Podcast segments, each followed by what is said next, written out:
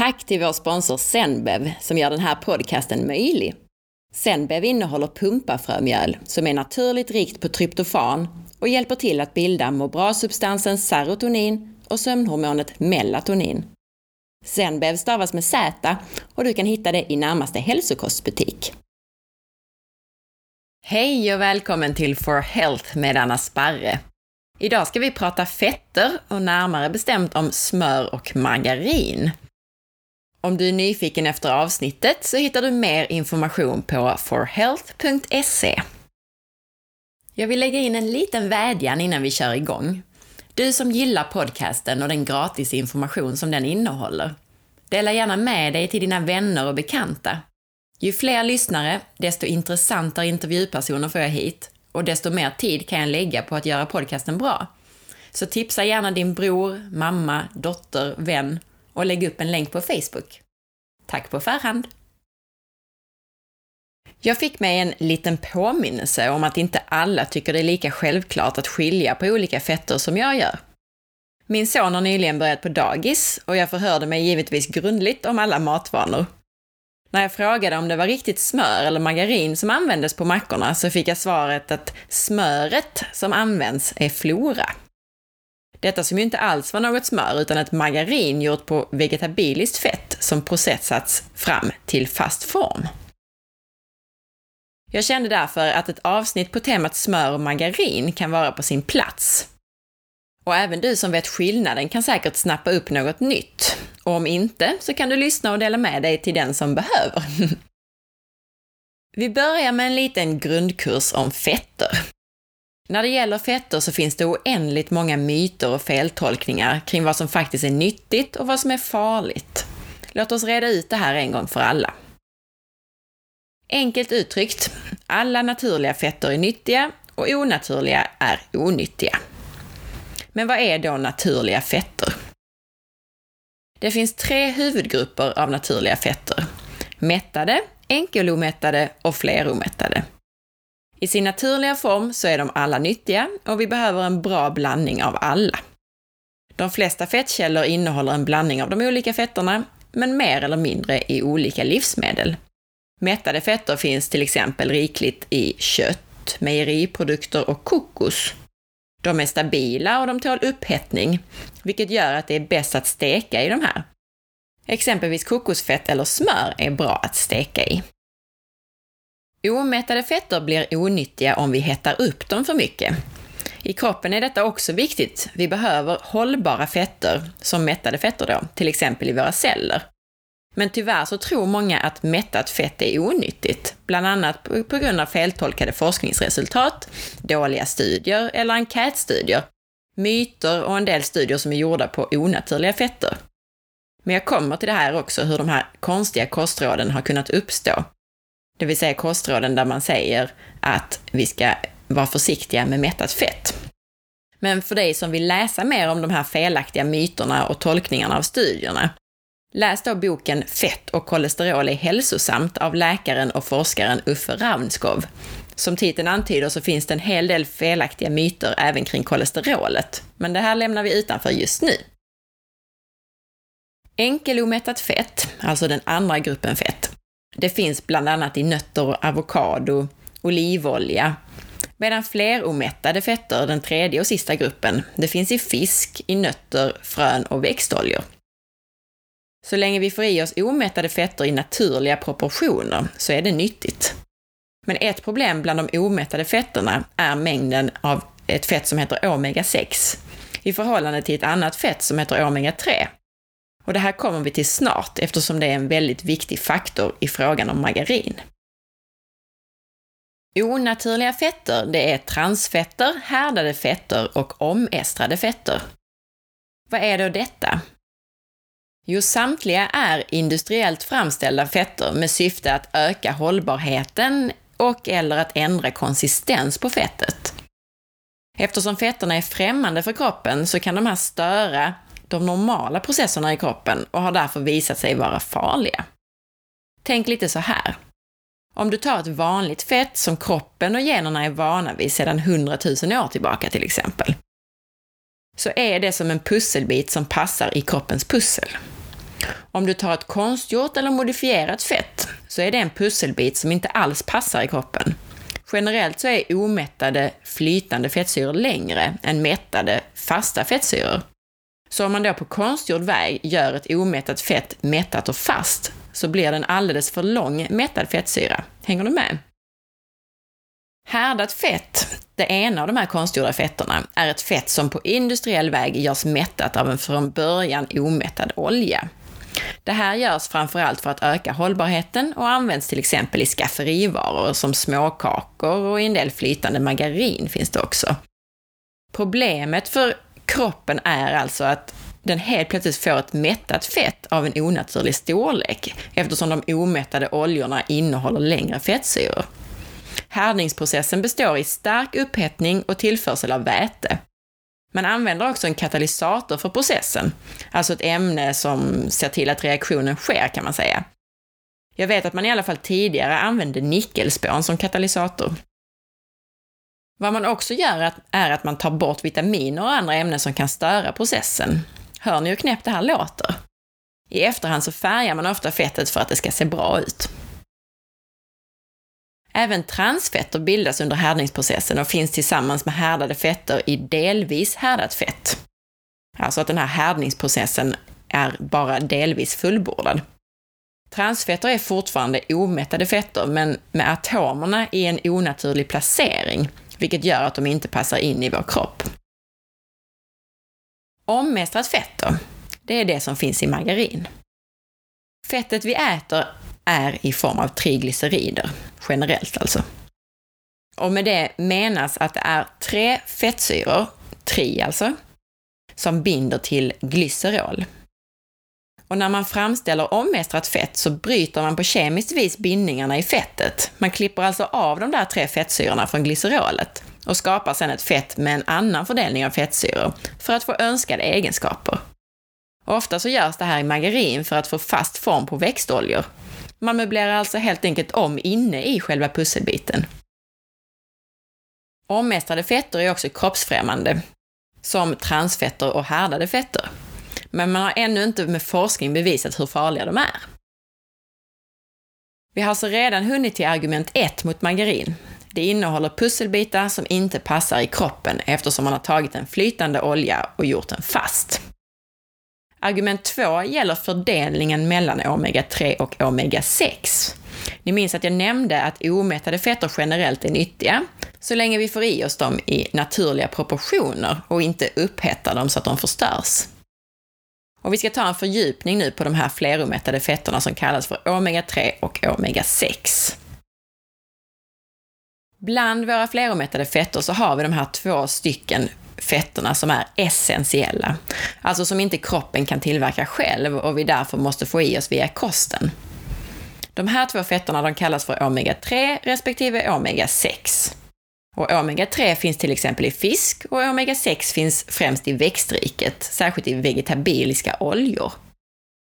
Av omega-3 och omega-6 så tillverkar kroppen något som kallas för eikosanoider och det här är överkurs. Men en typ av de här eikosanoiderna tillverkas av omega-3-fetter och en annan av omega-6. Och de två typerna kan man säga är varandras motsatser och jämvikt. Och balans är därför viktigt. De påverkar båda immunsystemet. Till exempel så balanserar de inflammationsprocessen så att omega-3 eukosanoiderna minskar inflammation och omega-6 ökar inflammation.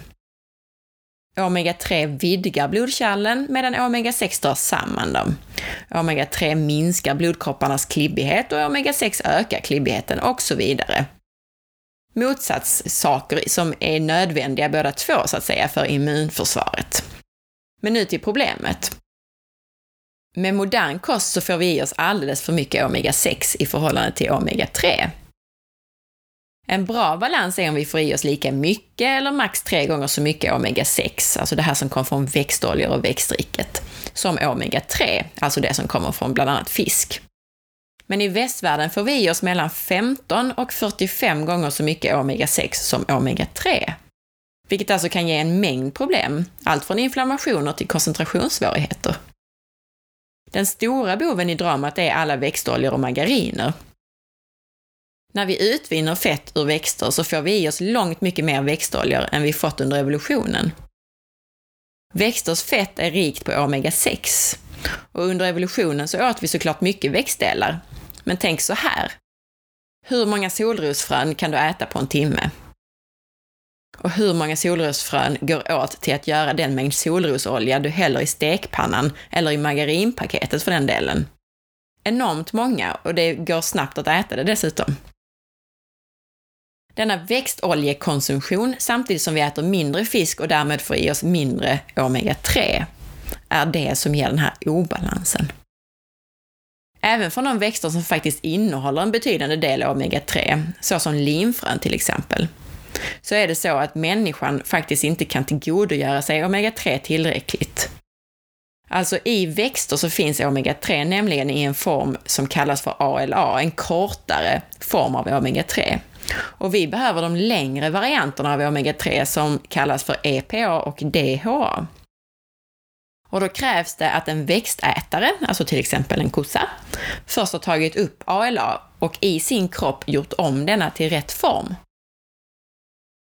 Dessutom så utfodrar vi boskap med spannmål istället för med deras naturliga föda, som då till exempel gräs för kor, eller att låta höns få picka sin naturliga föda ur marken. Även odlad fisk utfodras i vissa fall med pellets. Och det som händer då är att fettet i djuren vi äter är rikare än normalt på omega-6 och fattigare på omega-3. Tumregeln naturliga gentemot onaturliga fetter fungerar alltså även här om man drar det lite längre. För hur naturlig är egentligen den mängd växtoljor som industriproduceras och vi får i oss i allt från snabbmat till tonfisk i olja och margarin? Det finns många vetenskapliga rapporter som pekar på att för mycket omega-6 stimulerar cancer och alla typer av inflammatoriska processer. Redan på 70-talet så visade man att patienter som hade ökat sitt intag av omega-6-produkter hade alla tecken på för tidigt åldrande och en högre frekvens av hudcancer än normalt. Många experiment på råttor har visat att omega-6-rikt foder minskar deras reproduktionsförmåga och resulterar i cancer. Flera observationsstudier tyder också på att ett högt intag av omega-6 ökar risken för cancer även hos människor. I den stora studien som kallas för Malmöstudien var till exempel intag av fleromättat omega-6-fett associerat med bröstcancer. Andra forskare har funnit att barn som äter mycket omega-6-mat oftare lider av astma och andra allergiska sjukdomar. Och vi tar en liten parentes här från argumenten med några konkreta tips för omega-3 och omega-6-balansen. För det som är bra om man vill upprätthålla en bra balans mellan de här två fettsyrorna, det är att äta fet fisk, att välja kött från djur som har fått sin naturliga kost, alltså så kallat naturbeteskött till exempel. Att välja ekologiska omega-3-ägg, helst från utomhus frigående höns som har fått picka i marken. Vill du använda olja så är oliv och rapsolja de fleromättade fetter som innehåller en okej okay fördelning mellan omega-3 och omega-6. Det som är dåligt om man vill upprätthålla en bra balans mellan de här fetterna, det är växtoljor och då särskilt majs och solrosolja till exempel. Eller om det bara står vegetabiliskt fett på förpackningen, då kan man räkna med att det är ett sånt här omega-6-rikt fett. Snabbmat är inte heller så bra eftersom den ofta är tillagad med billiga växtoljor. Alla livsmedel som innehåller dolda källor med växtoljor som tonfisk i olja, saltade nötter som faktiskt ofta rullas i växtolja för att saltet ska fastna, färdiga såser och så vidare, det är också sämre för här, den här balansen. Så, Argument 1 mot margarin var alltså att det innehåller pusselbitar som inte passar i kroppen eftersom man har tagit en flytande olja och på kemisk väg gjort den fast. Och nu, argument 2, det gällde omega-6 i onaturligt stor mängd som påverkar bland annat inflammationsprocessen i kroppen. Om vi nu jämför smör och margarin då, Första tipset till er alla är att läsa innehållsförteckningen. Och det här gäller egentligen alla varor. Men nu pratar vi smör och margarin. Smör är en naturlig råvara framställt av grädde och möjligen lite salt. Inget annat. det vill säga ett nyttigt naturligt fett. Även om mejeriprodukter egentligen inte är stenåldersmat, så har mjölkfettet inte visats ha några hälsonackdelar i studier av god kvalitet. Tvärtom så finns det studier som tyder på att det främjar hjärthälsan. Mjölkprotein och mjölksocker kan man däremot ifrågasätta, men det här har vi pratat om redan bland annat i avsnitt 14. Har du fortfarande funderingar på det där med mättat fett? Det kom nyligen en analys av de studier som gjordes innan kostråden om att minska på mättat fett kom till. Alltså de studier som då borde ha lett fram till kostråden. Men analysen av alla de här studierna innan kostråden kom, den visade att det inte fanns några som helst bevis på att mättat fett skulle skada hälsan. Och ändå kom de här kostråden. Mättat fett orsakar inte hjärtsjukdom. Så drogs också slutsatsen av en stor studie som publicerades för ett år sedan. Hörnstenen i kostråd har nu i flera generationer varit att mättat fett i smör och rött kött ska undvikas eftersom de täpper till blodkärlen. Det har varit helt självklart att välja olja före smör och kyckling före entrecote till exempel. Men den här studiens resultat är inte någon överraskning för de som känner till modern forskning på kost. Det har faktiskt aldrig funnits några bevis för att de här fetterna gör dig sjuk. Det tror vi bara för att kostråden har spårat ur de senaste 50 åren på grund av en mix av personliga ambitioner, dålig forskning, politik och fördomar. Det fanns också en man som hette Angel Keys som gjorde en hittepåstudie i samband med hjärtsjukdomsepidemin i USA. Och den här mannens dåliga forskningsmetoder avslöjades inte förrän 2002. Och hans studier betroddes därför som sanning under ett halvt sekel, trots att han hade fuskat fram den här forskningen. Vilket också har gjort att hans slutsatser har präntats in som det enda riktiga. Studierna som följde jämförde omättade fetter med mättade, men alla de här studierna hade många felfaktorer. I vissa kontrollerade man inte rökning till exempel. I vissa inkluderades konstgjorda fetter. Men när man hade kommit så här långt så kunde man inte dra tillbaka råden eftersom allt för mycket pengar och prestige hade stoppats in i att stödja de slutsatser som Angel Keys hade dragit. Istället för att ifrågasätta varför man skulle ändra sin kost till low fat så ställdes bara frågan varför inte? Men det fanns faktiskt många forskare som redan då varnade för konsekvenserna av att ersätta det mättade fettet. En konsekvens av att minska på fettet är mer kolhydrater.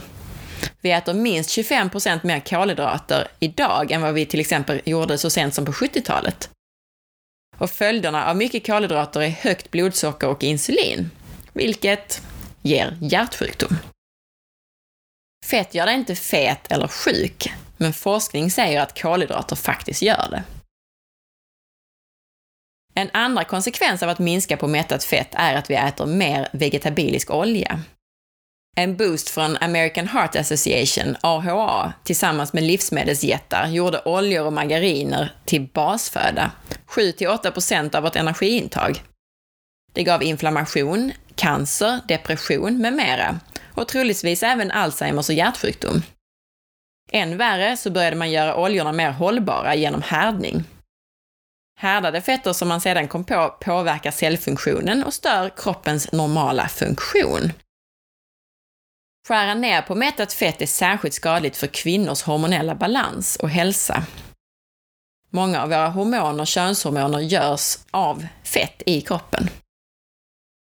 Mer än en miljard dollar har spenderats på att bevisa en Keys hypotes att mättat fett är farligt. Men bevis på att det skulle vara sant har aldrig kommit. Så där fick du en kort version av hur det kan komma sig att du eller din vän möjligen fortfarande tror att mättat fett skulle vara hälsofarligt. Tvärtom säger jag, det är nyttigt, stabilt och naturligt. Smör innehåller som sagt grädde och salt. Det här betyder alltså att alla andra förpackningar med annorlunda innehållsförteckning inte är smör. Innehållsförteckningen på dagisförpackningen av Flora löd till exempel så här. Rapsolja, smör, palmolja, vatten, kärnmjölk, salt, emulgeringsmedel, solroslecitin, naturlig arom, syra, mjölksyra, vitamin A och D. Ganska mycket längre innehållsförteckning än i smör alltså.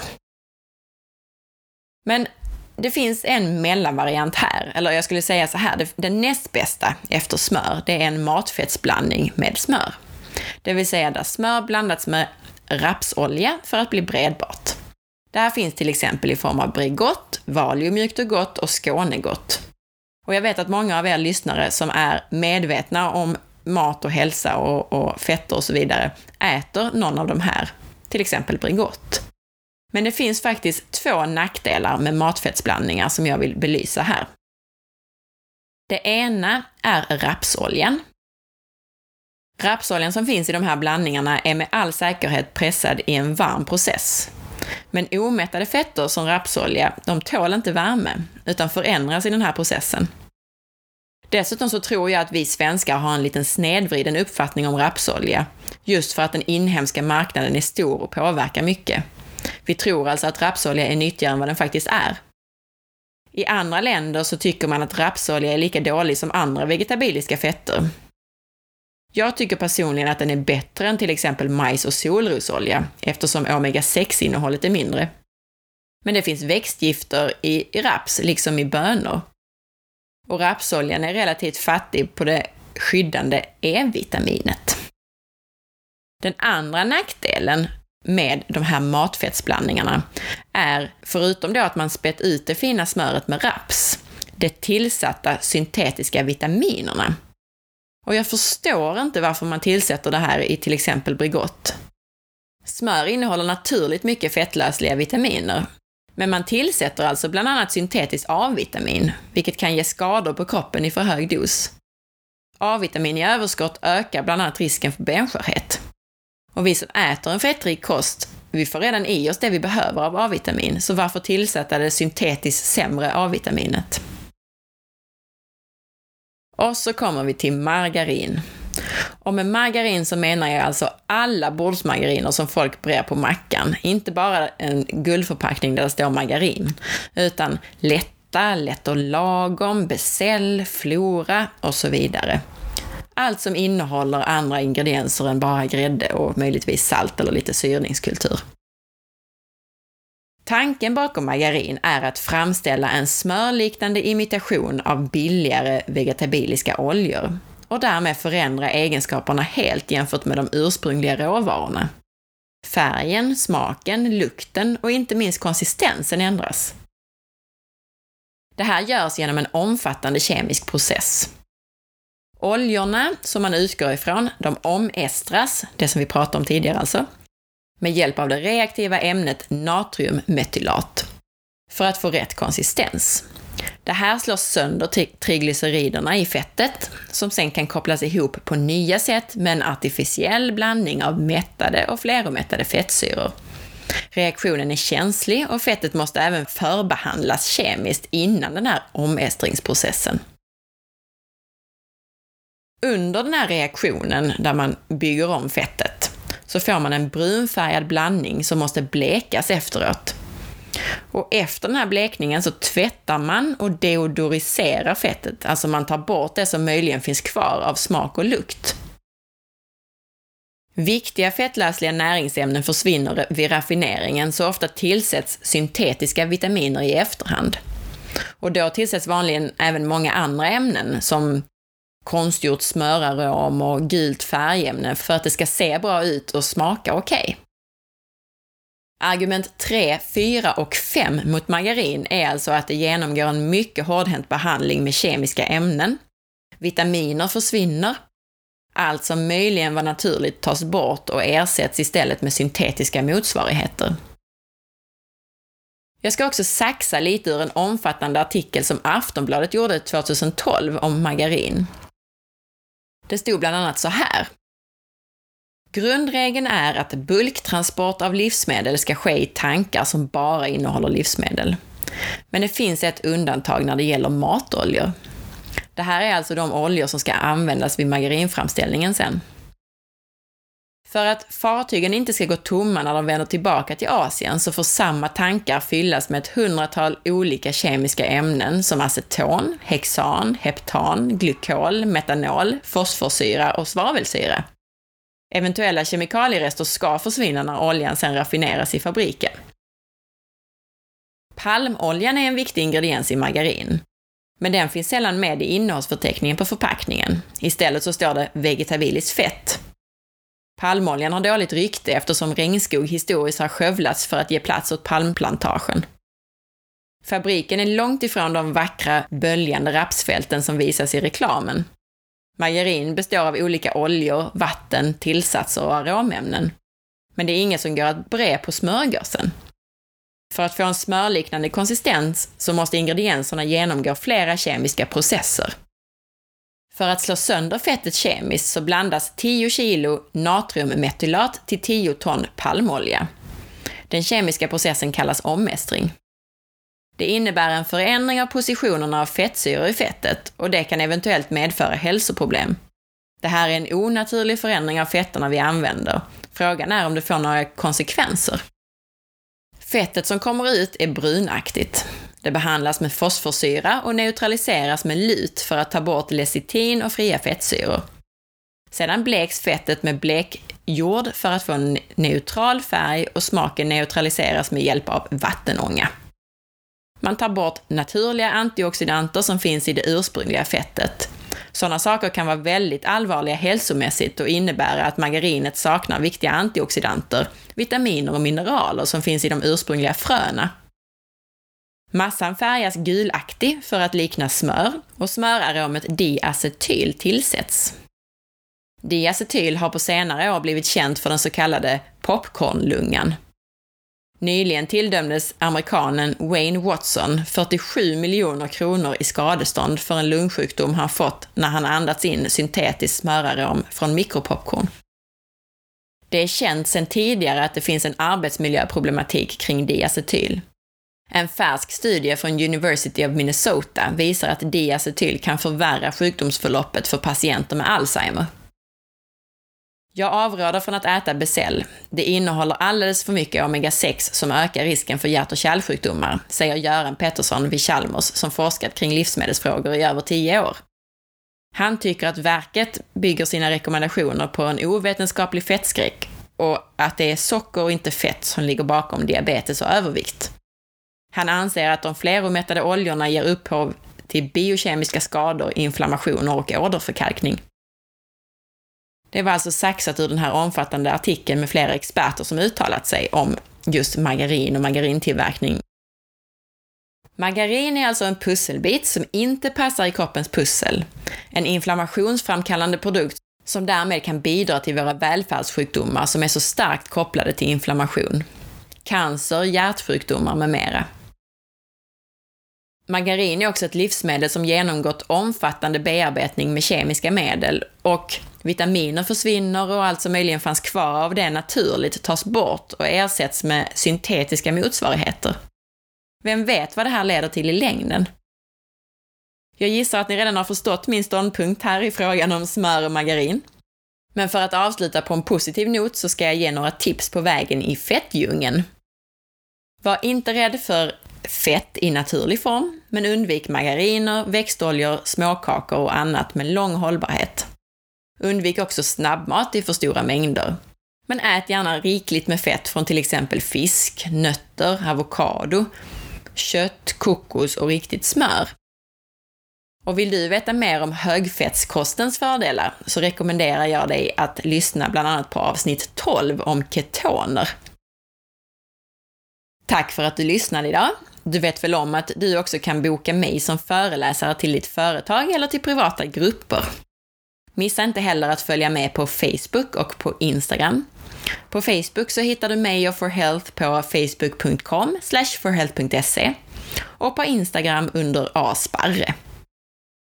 Gå gärna in i iTunes och lämna betyg och recension och dela gärna med dig av avsnittet till en vän. Det gör du genom att söka fram podcasten For Health med Anna Sparre i iTunes. Om du är i iTunes på din dator så klicka på pilen bredvid knappen prenumerera. Där kan du välja om du vill kopiera länken eller till exempel dela på Facebook. I din mobil så klickar du istället på symbolen längst upp till höger på mobilen för att dela med dig. Ta hand om dig och ha en riktigt fin dag. På återhörande!